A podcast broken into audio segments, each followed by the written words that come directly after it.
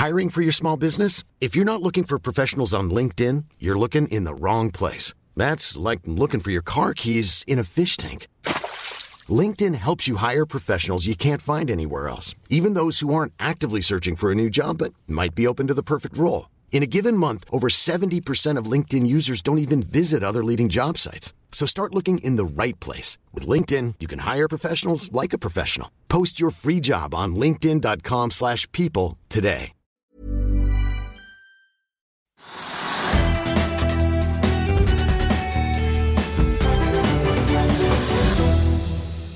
Velkommen til Økonominyhetene tirsdag 5.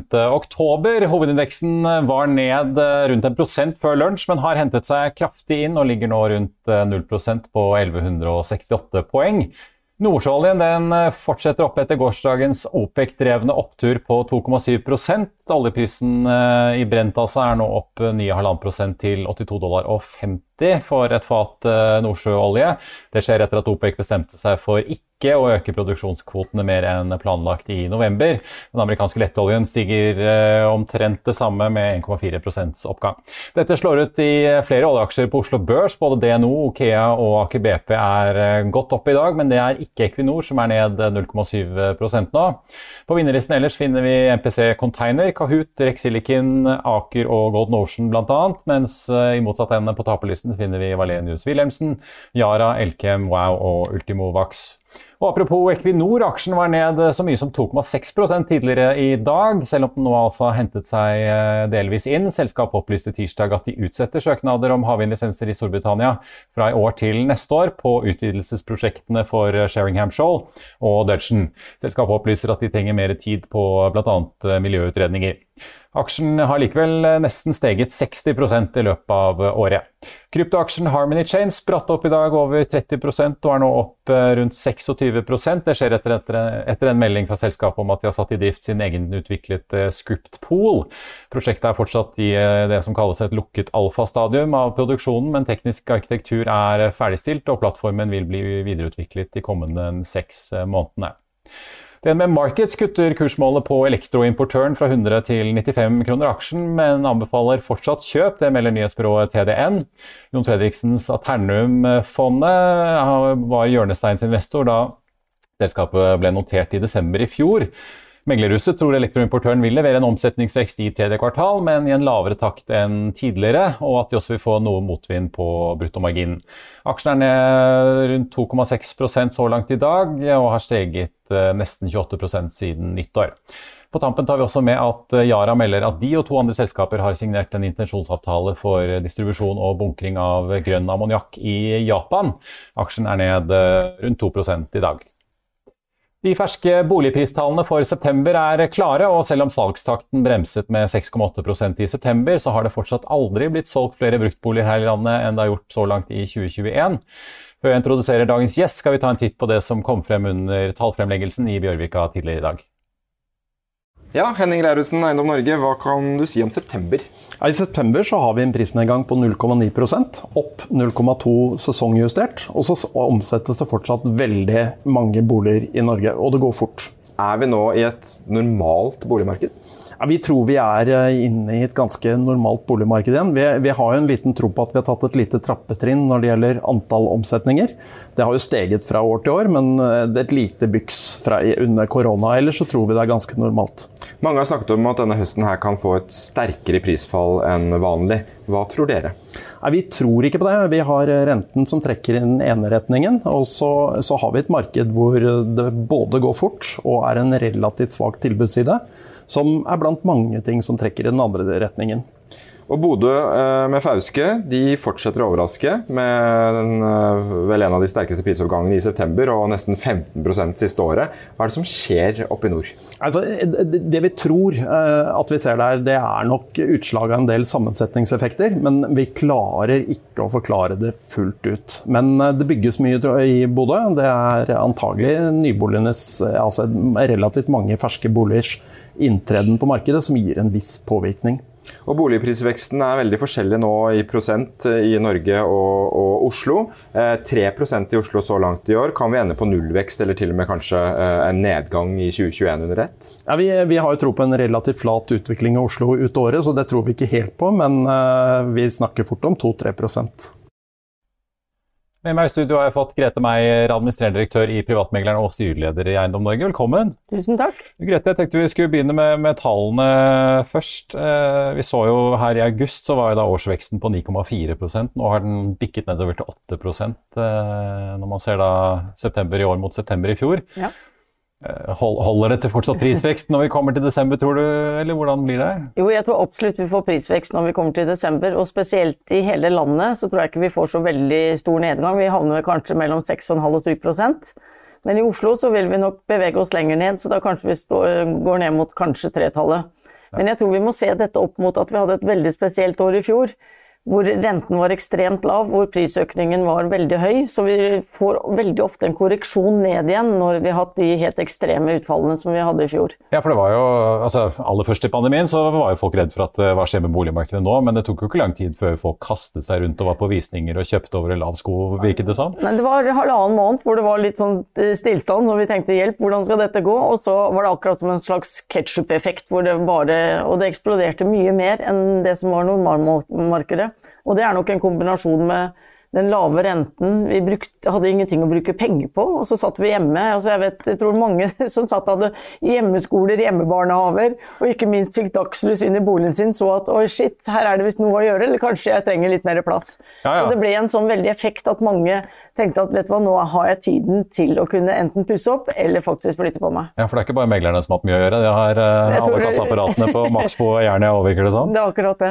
Eh, hvis vi ser på de store byene, da, så er jo Oslo ligger nå opp 7,2 Stavanger er jo faktisk en av de største byene som er mest opp. Mm. Eh, har de hentet seg inn fra oljebrems og alt mulig der nede nå, eller? Altså, Stavanger-markedet er vel det som kanskje har hatt det tøffeste markedet hvis du hadde sett over ti år. Først ble det bygd ekstremt mye med oljeeventyret. og veldig veldig mye flotte boliger, og prisene steg som bare det. Så skjedde det vi vet også med oljeprisen og oljeinvesteringene og det som kom.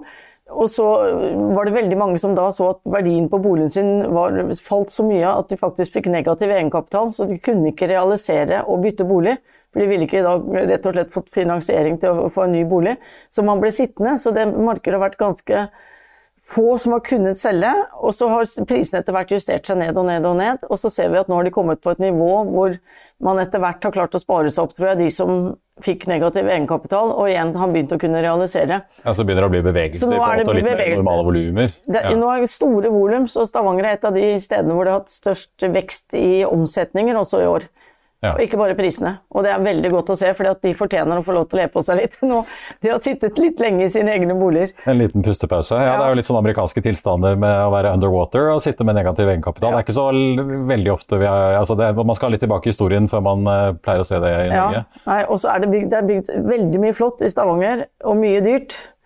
For vi, de levde jo på en veldig god bølge en lang stund, og så så du at kanskje den boligmassen var for flott i forhold til hva innbyggerne hadde råd til. Men eh, ta oss litt gjennom høsten, da, i og med at du fortsatt tror at eh, det skal bli positiv vekst, eh, om enn ikke så voldsom i år. Eh, mm. Men da skal det jo fortsatt kanskje komme noen negative måneder nå utover, da? Jeg tror vi kommer til å se en liten prisnedgang de tre siste månedene som er, og det skjer nesten alltid i, om høsten.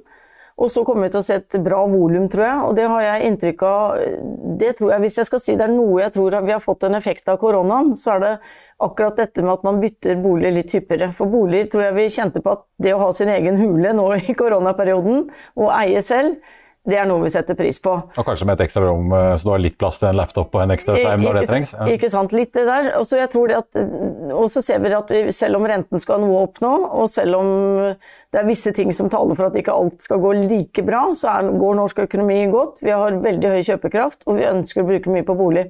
Så jeg tror vi kommer til å se at det blir et høyt volum fremover med noe prisfall nå utover til vi kommer til januar. Og så kommer det vanlige prisøkninger igjen, og så er vi helt tilbake on track på vanlig boligmarked. Ja, Men det er såpass gode volumer at det er ikke sånn at boligen blir liggende. Det handler mer om at uh, selgerne kanskje må realitetsorientere seg litt og ikke ta for saftig på prisantydning? Altså, vi har aldri solgt boliger så raskt som vi gjør nå.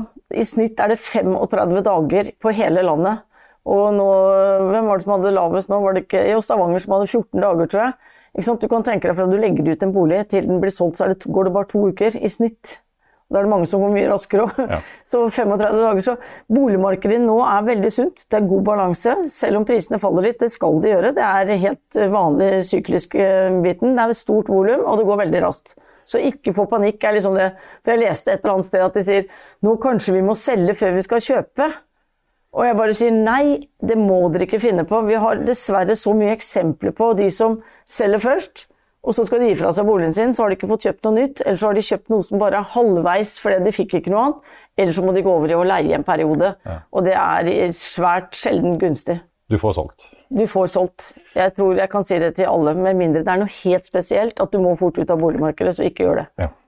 Eh, renteeffekten eh, Jeg ser jo Henning Lauritzen sier at det er litt tidlig å se den i tallene enda, men, men eh, hva hører du fra meglerne dine der ute, eller, og hva, var liksom, som av erfaring vet dere eller tror dere kommer til å skje da? Vi har jo på en måte fått en prognose fra Norges Bank. De har gjort den første renteøkningen. Det slår jo ikke veldig mye ut akkurat med, med de forsiktige renteøkningene som har kommet fra DNB bl.a. Men liksom, tror dere at det vil slå inn noe i det hele tatt? Altså Den første nå er eh, altså Renten er på et så lavt nivå likevel, og den har vært signalisert så lenge, så den tror jeg alle har diskontert inn. Jeg tror nok vi må opp på ca. en prosent eh, renteøkning før vi kjenner det litt på lommeboka vår. Men igjen så har jo alle som har fått eh, lån, har jo også måttet ha den 5% påslag på renteutgiftene sine på å se hva man klarer. Så renten isolert vil nok kanskje nesten mer påvirke oss litt psykologisk med at vi tenker at oi, nå er det litt dyrere bolig enn hvor mye det slår i lommeboka. Men vi har liksom litt andre forhold nå, med høye strømpriser kanskje, bensinpriser, en del andre ting. Så summen vil jo gjøre at kanskje vi får en litt strammere mm, kjøpekraft nå enn det vi hadde i hvert fall i fjor, da. Ja, For psykologien er kanskje viktigere enn eh, altså, hvor mange tusenlapper ekstra det blir i måneden? Jeg tror det. Men jeg tror at i hvert fall det vi opplever, da, er at boligmarkedet er så viktig for oss og i Norge, og at vi har denne eiermodellen som vi har osv. Så, videre.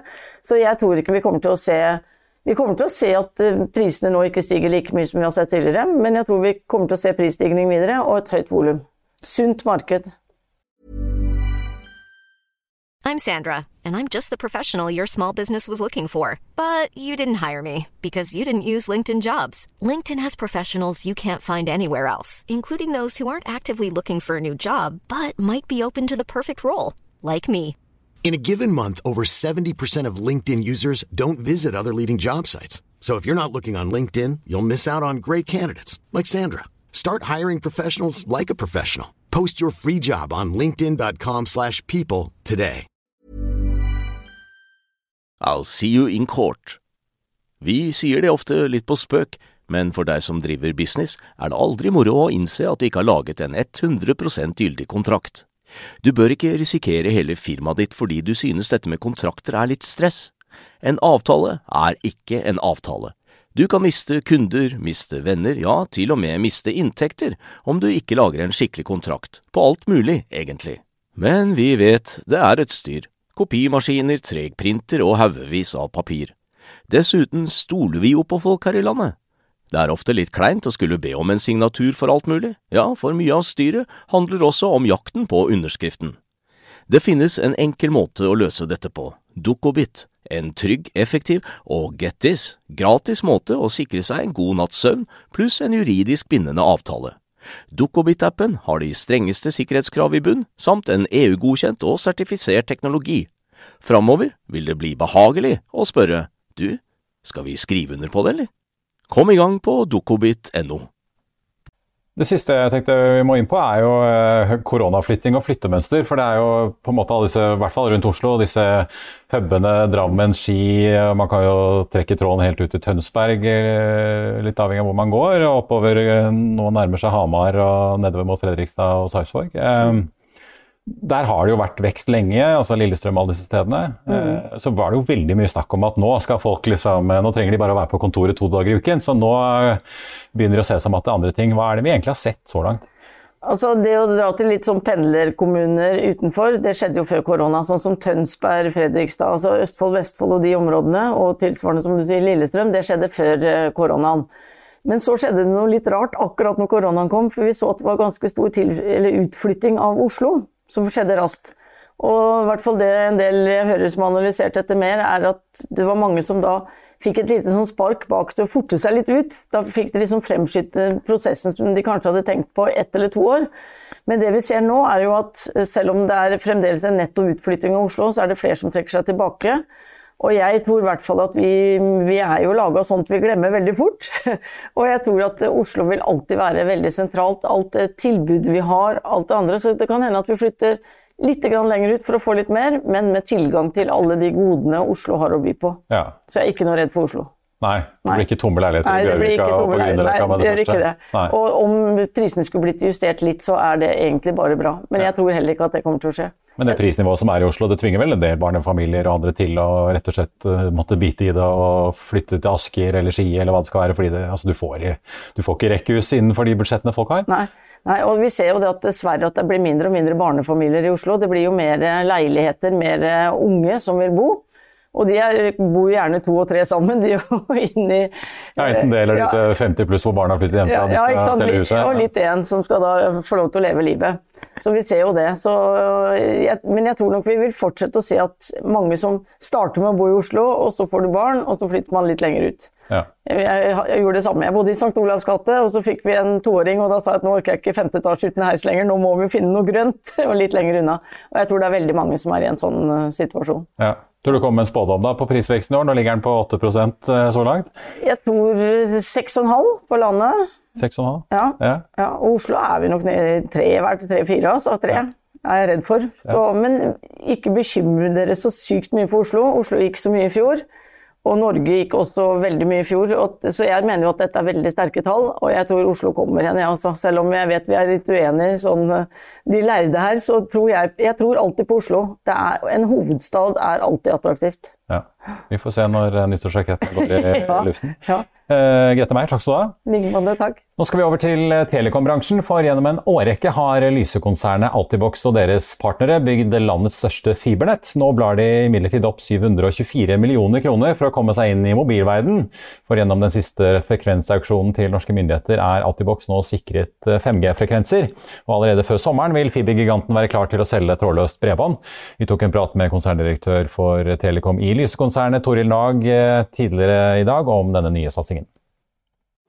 Toril, takk for at du er med oss. Eh, aller først så tenkte jeg vi må begynne med å bare høre for de som ikke kjenner bransjen. Eh, hvem er egentlig Lyse-konsernet og eh, Altibox? En stor fiberaktør, åpenbart. Ja, Lysekonsernet er et industrikonsern med hovedkontor i Stavanger og kontorer i hele landet.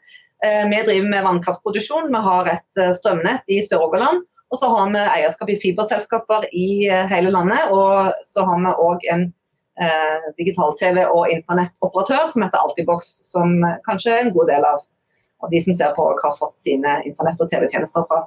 Ja, det vil jeg tro. Eh, Det er jo eh, veldig interessant at dere nå tar steget over eh, fra fiber til ja, vi kan vel nesten kalle det trådløs fiber. Kan du fortelle litt om de liksom, strategiske vurderingene som har ligget bak å gå over i et, det som jo er et helt nytt segment for dere? Ja, eh, vi har bygd fiber som du sier, i mange år, nærmere bestemt i 20 år faktisk nå til våren. Eh, og har et eh, veldig velutbygd fibernett i hele landet der vi selv og samarbeidspartnere, ofte eid av kraftaktører, leverer fiberbredbånd og underholdningstjenester til bedrifter og til privatpersoner. Og vi nærmer oss 800 000 husstander i nettet vårt.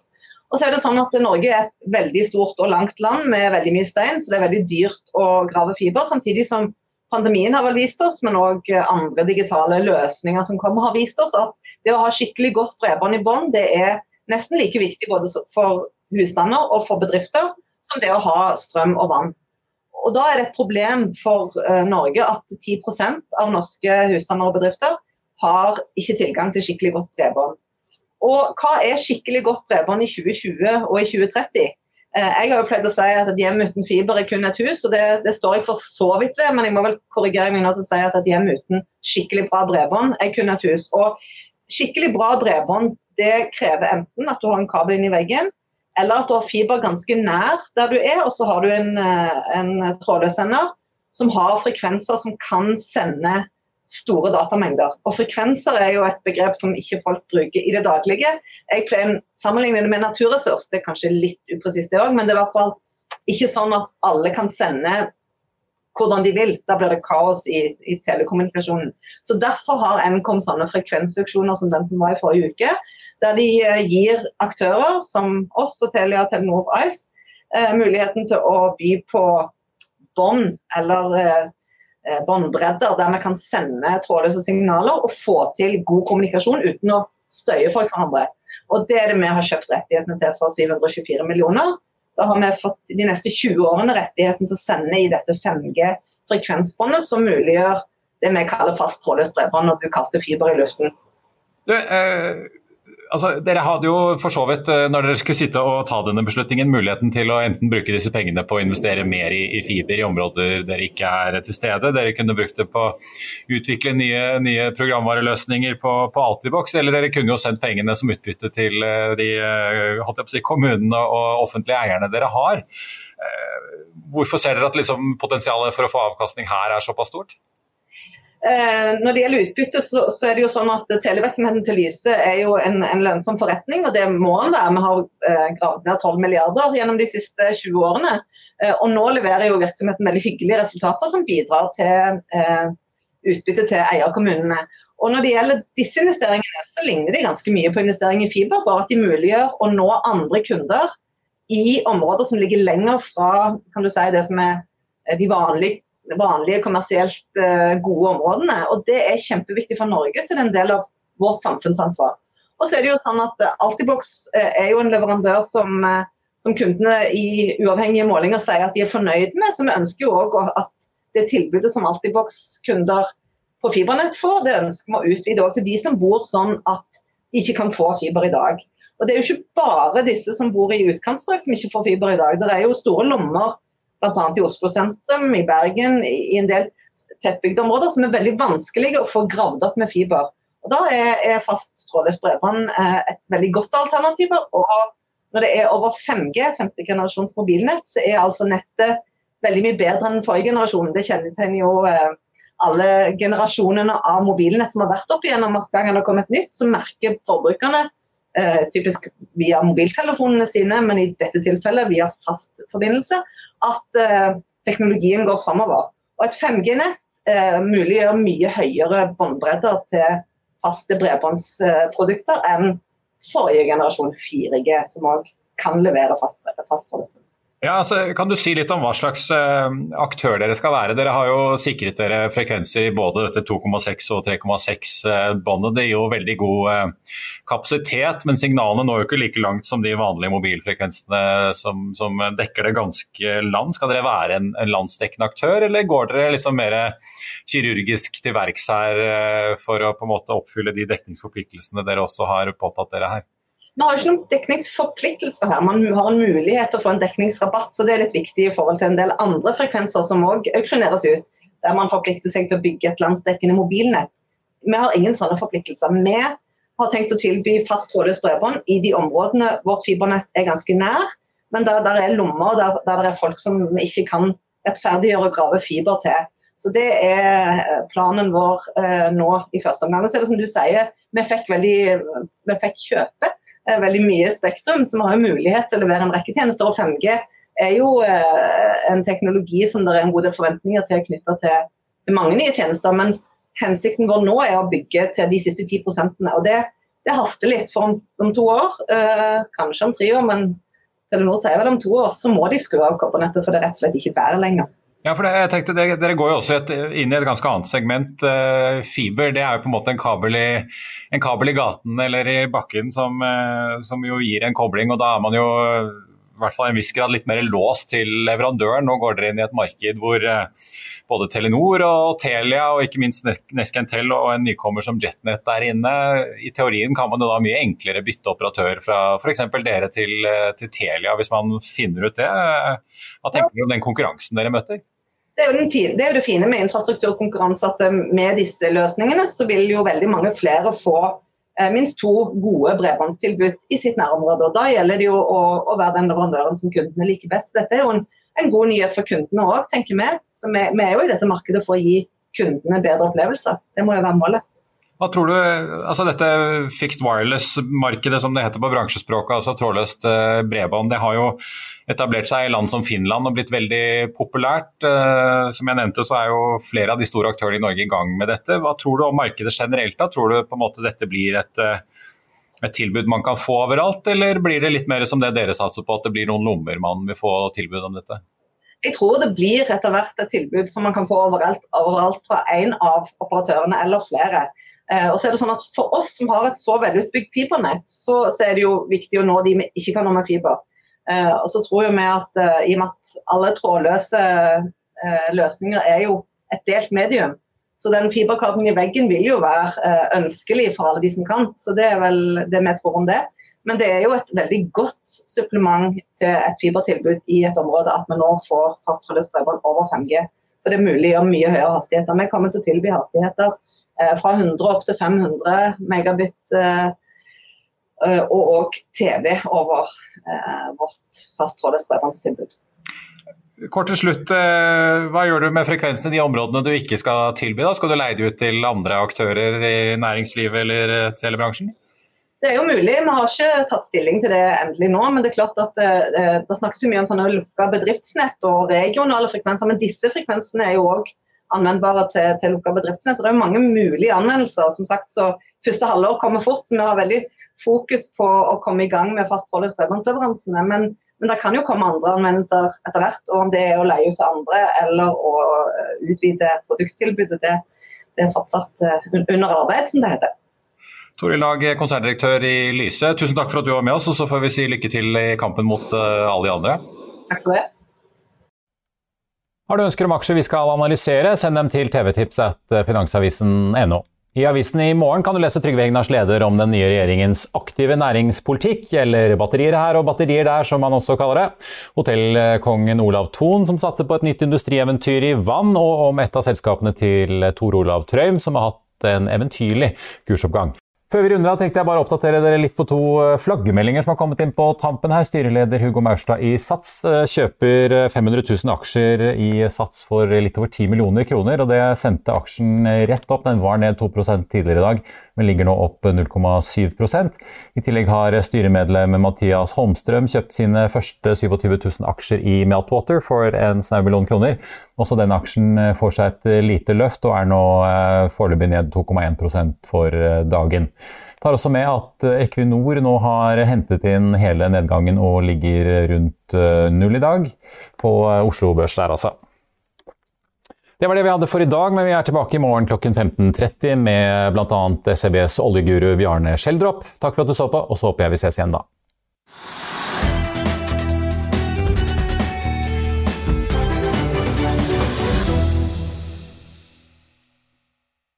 Økonominyhetene er en podkast fra Finansavisen. Programledere er Marius Lorentzen, Stein Ove Haugen og Benedikte Storm Bamvik. Produsenter er Lars Brenden Skram og Bashar Johar.